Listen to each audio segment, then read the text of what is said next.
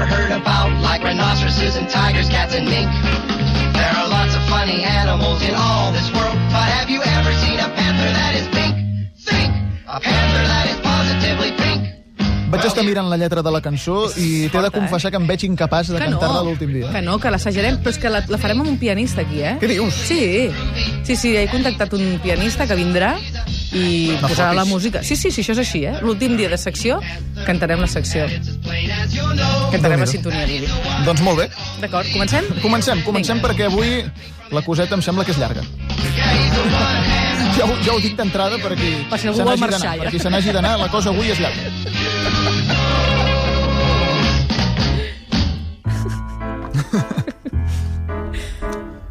La, la, la. I ara el toc final.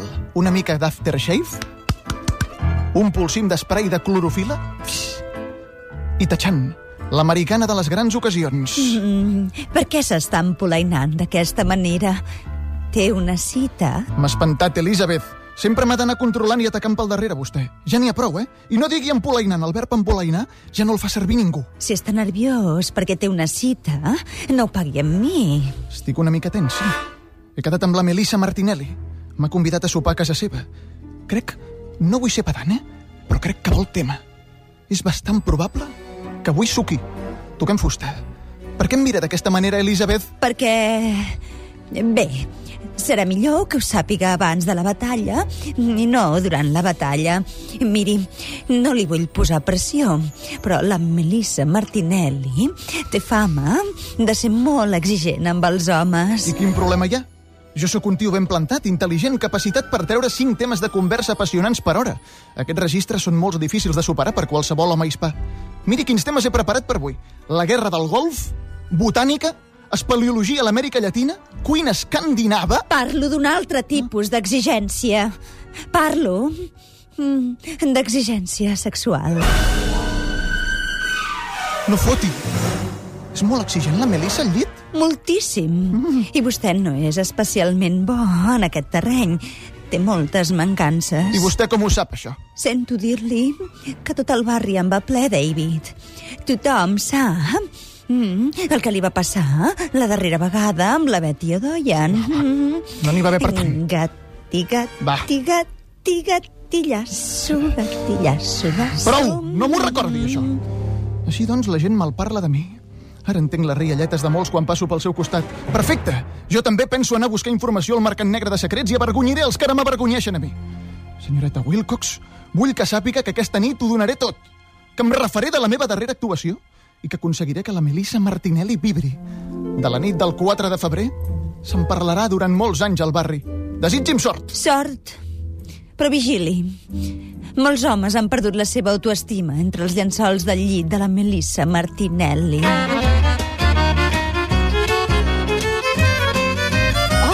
David, què et passa? Quina broma és aquesta? No ho sé, Melissa, no m'havia passat mai, és la primera vegada. Una entre un milió. Quina mala sort tinc, també. Tenia ganes de muntar un bon festival amb tu, però això, això no hi ha qui ho aixequi. És que avui no he pogut fer la migdiada i ha estat un dia fatal perquè he begut molta Coca-Cola i he menjat pastisseria industrial, dues panteres rosses, dues, a l'hora de berenar. I faig una secció a la ràdio, jo. No sé si ho sabies, Llistes tontes es titula. I m'ocupa molt tros del cervell i no em puc concentrar en altres coses. Oh, merda, ara pensaràs que sóc una calamitat al llit. Va, no passa res, Nino, t'entenc. Mira, mira, mira, sembla que la cosa comença a remuntar. Això sembla, aprofitem-ho. Però sota pressió és impossible rendir a un bon nivell, i més quan t'han explicat quin tipus de dona és la Melissa Martinelli. El que estem fent ja no és una activitat d'oci destinada a passar una estona agradable i de ple. Allò s'ha convertit en un examen on m'he prohibit a mi mateix fallar. Mira que és guapa i voluptuosa, la Meli. Però jo he de concentrar-me en altres coses per estalviar-me accidents fatals que em condemnarien a una eternitat de mala fama sexual al barri, a la ciutat, al país i qui sap si fins i tot al continent. Penso en la guerra del Golf, en botànica, en espeleologia a l'Amèrica Llatina... Espera, canvi. Ara vull que tu et posis així i jo això. Cap problema, Melissa. Iepa! Ja està. Has vist quina agilitat felina? Continuem? Ah, oh, clar que sí, Pink Panther. Ràpid, ràpid, pensa en altres coses, tio, no la caguis ara. Sereje, ja, deje, dejebe tu, dejebe de ser, vi una uva, majavi, ande bugui, ande bui, di, di, pi. Ai, que no me n'oblidi. Demà he d'anar a passar la ITV. I demà passat tinc cita amb el podòleg. I divendres, Tinc alguna cosa divendres? Divendres, faves tendres. Dos per una, dos, dos per dos, quatre, dos per tres, sis, dos per quatre, vuit. Oliver Benji, los magos del balón, Benji, Oliver, sueños de campeón, Benji, Oliver, el fútbol es su pasión. Per ser que no has fet migdiada, que has begut molta Coca-Cola i que t'has menjat dues panteres roses per berenar, t'he de dir que has estat bastant acceptable. Oh, et poso un 6. Un 6, bravo! Quant temps feia que no traia un 6? Una dècada? Oh, tornaràs un altre dia? Ja ho veurem, Melissa. M'encantaria, però els propers mil·lennis els tinc molt ocupats. Si m'ho puc organitzar, et truco. Adeu, Meli. Li faig un últim petó de tornavís, una mínima garejada al llindar de la porta i m'escapo corrent escales avall. Quan arribo al despatx, tot l'equip m'està esperant al rebedor. Què tal, jefe? Com li ha anat? Prou bé, m'ha posat un 6. Però he passat tanta angoixa al llit de la Melissa Martinelli que jo allà no hi torno a posar el cos ni que em converteixi en el campió mundial de qualitat sexual. No compensa, no compensa. Ho he passat fatal. Gairebé m'agafa un atac d'ansietat. Vol que li porti un got d'aigua? Gràcies, Beverly. I també porta'm un foli. He tingut una idea per la llista tonta d'aquest diumenge. Ah, doncs bé, perquè a nosaltres no se'ns acudia res. De què anirà la cosa? Llocs que m'angoixen i que em deixen a la voreta de l'atac d'ansietat. Lloc número 1. No tothom està psicològicament preparat per passar un matí o una tarda mm, a la sala de màquines d'un gimnàs. Senyoreta Wilcox, acomiadis d'aquest cos esprimatxat. M'he apuntat al gimnàs. Em vull convertir en un màster de l'universo. Ah, molt bé. Em deixarà acariciar-li la bola. Evidentment, aquesta nit, quan torni fet un catxes, podrà tocar el múscul que desitgi. Ai, m'està fent molt feliç. Li preparo alguna cosa per sopar. Vindrà afamat. Diuen que l'esport obre la gana. Doncs sí, tindré mort de gana. Prepari'm un plat d'arròs bullit, mig pollastre també bullit i de postres una banana i un batut de clares d'ou.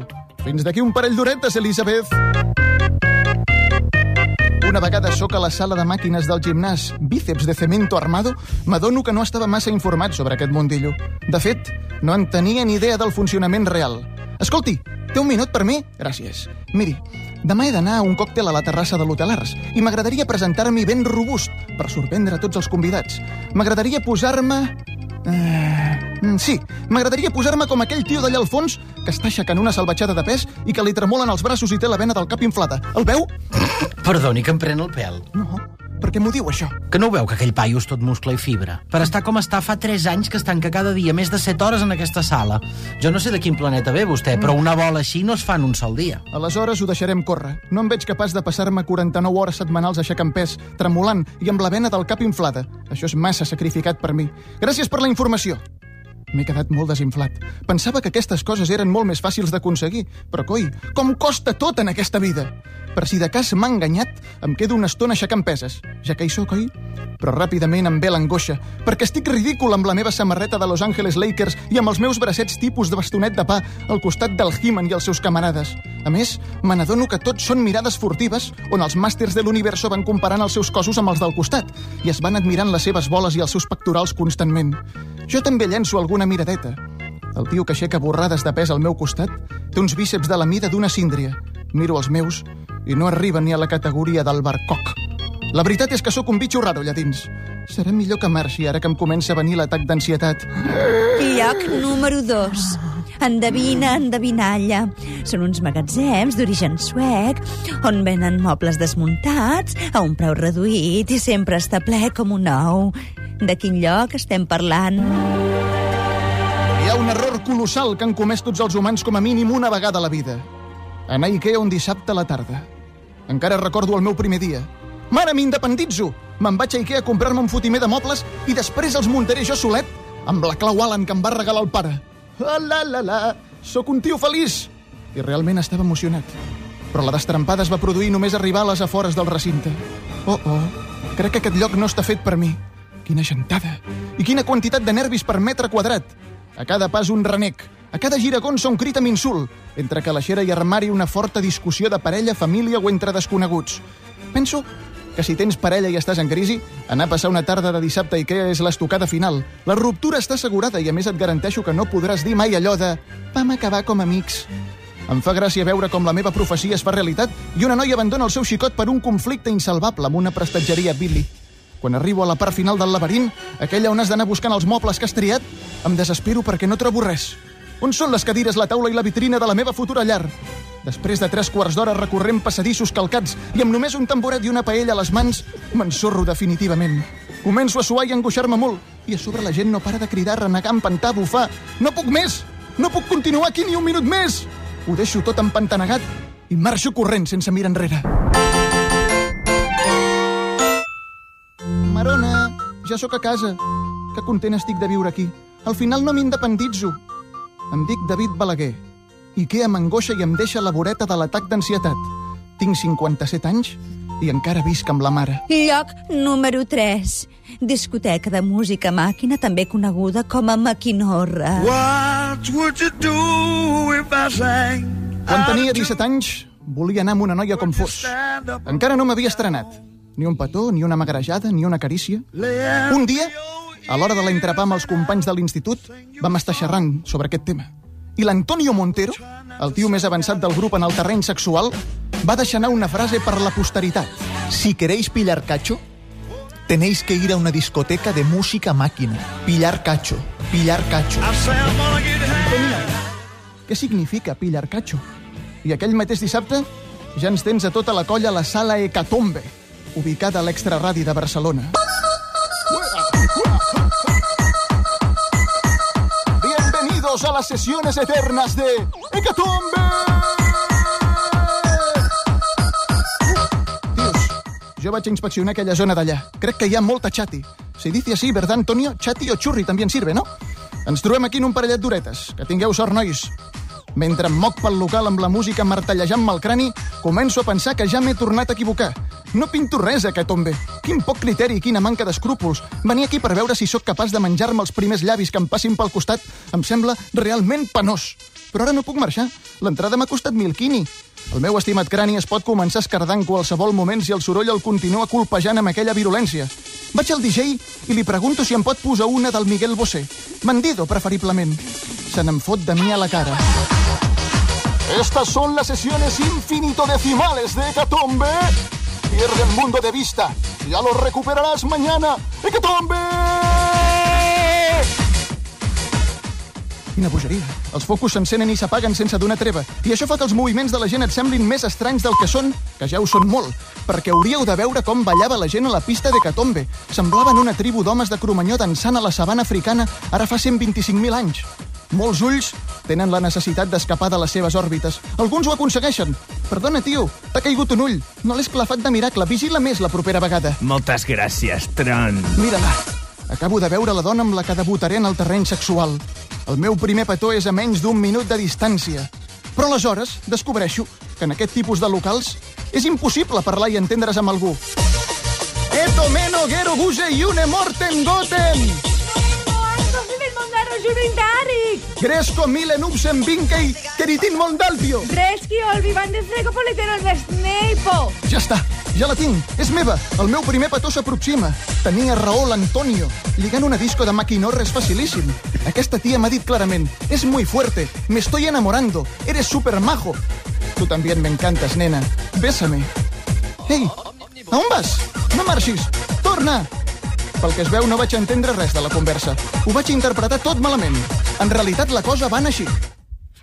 Ei, ¿qué tal? ¿Está guapo Hecatombe? No me des la brasa, nen, déjame en paz. ¿Quieres enrollarte conmigo? Esfúmate, mentecao, me das asco. What would you do if I sang? I no vaig pillar catxo ni res similar. Tres hores tancat en aquell manicomi per res. A sobre encara vaig ser tan ximple de donar-li més oportunitats. Al quart fracàs vaig decidir plegar i no tornar-hi mai més. Els atacs d'ansietat brutals que patia cada vegada que anava a Hecatombe els compensava la il·lusió d'enllitar-me amb alguna noia. Quan vaig veure que això no passaria mai, vaig optar per abandonar el món de la maquinorra. Lloc número 4. El bufet lliure. L'autèntic paradís de la indigestió gratuïta. Comensals afamats!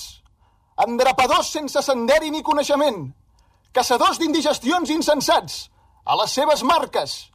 3, 2, 1... I comença la cursa per construir-te el plat més bèstia i inversemblant que t'hagis imaginat mai.